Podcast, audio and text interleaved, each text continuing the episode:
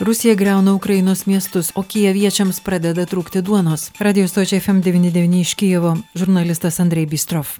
Андрею, какая ситуация в Киеве? Как jūs laikotės? Из последних новостей, конечно, наиболее критическая ситуация с продуктами и хлебом, потому что совершенно невозможно купить хлеб, очень большие очереди, час-два надо стоять в очереди, практически на полках остаются какие-то продукты Paskutinės naujienos kritinė situacija su produktais ir duona, neįmanoma nusipirkti duonos. Valandą dvi reikia laukti eilėje. Dar galima kai ką nusipirkti, kas yra likę, bet blogiausia situacija yra su duona. Po kelių dienų tai gali tapti humanitarinė katastrofa. Jeigu kur be kruopų ar vermišelių ar karšto vandens gali išsiversti, tai duona yra būtina. Parduotuvės uždarytos, mėsos nėra, bet blogiausia tai duona. катастрофой, потому что если так можно, ну какие-то там крупы, вермишель,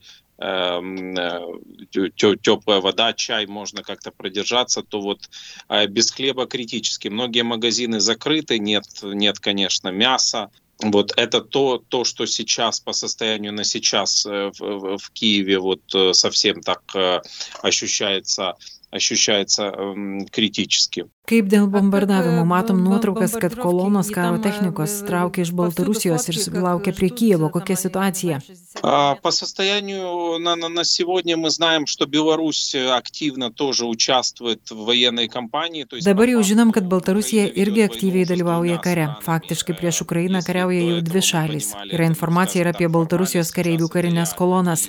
Naktį buvo sirenos, buvo apšaudimai. Yra informacija, kad gali būti atakos prieš internetą, Facebooką, tad galime likti be ryšio. Dabar ryšys yra elektra, mobilus ryšys, viskas veikia. Bet yra informacija, kad jie niekaip negali užkariauti ne vieno miesto, nes mūsų armija priešinasi, tad nori blokuoti Kijevą, jį apsupti. Tas dabar pavojingiausia. Ir žinoma, baisus rytas Harkive, kur balistinėmis raketomis atakuotas miesto centras. Tai didžiausia aikštė Europoje, taiki vieta.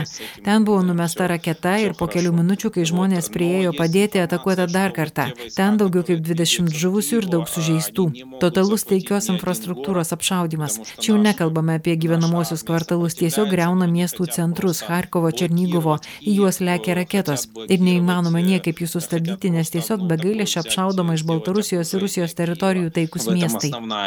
Основная сейчас опасность. И, конечно, страшное, страшное утро совершенно в Харькове, где атаковали баллистическими ракетами центр города.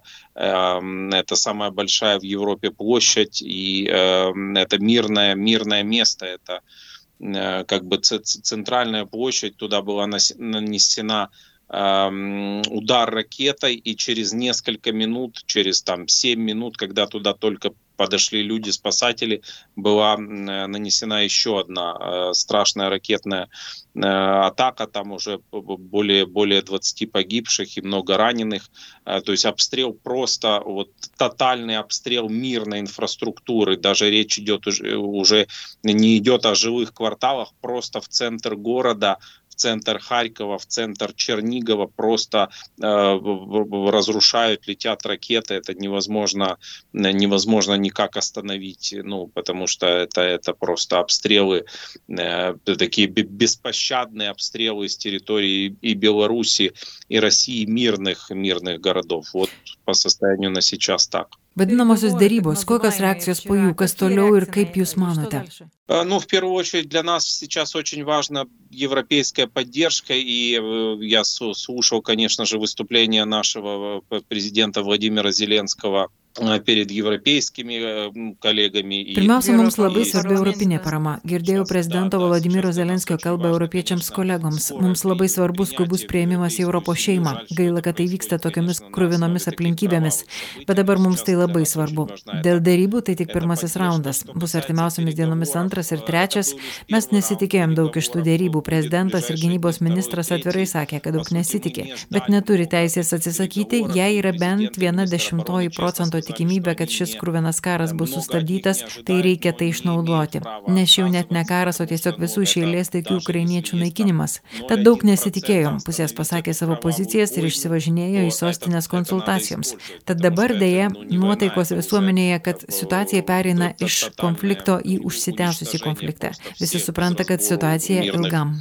Украинцев. Поэтому от переговоров много не ждали.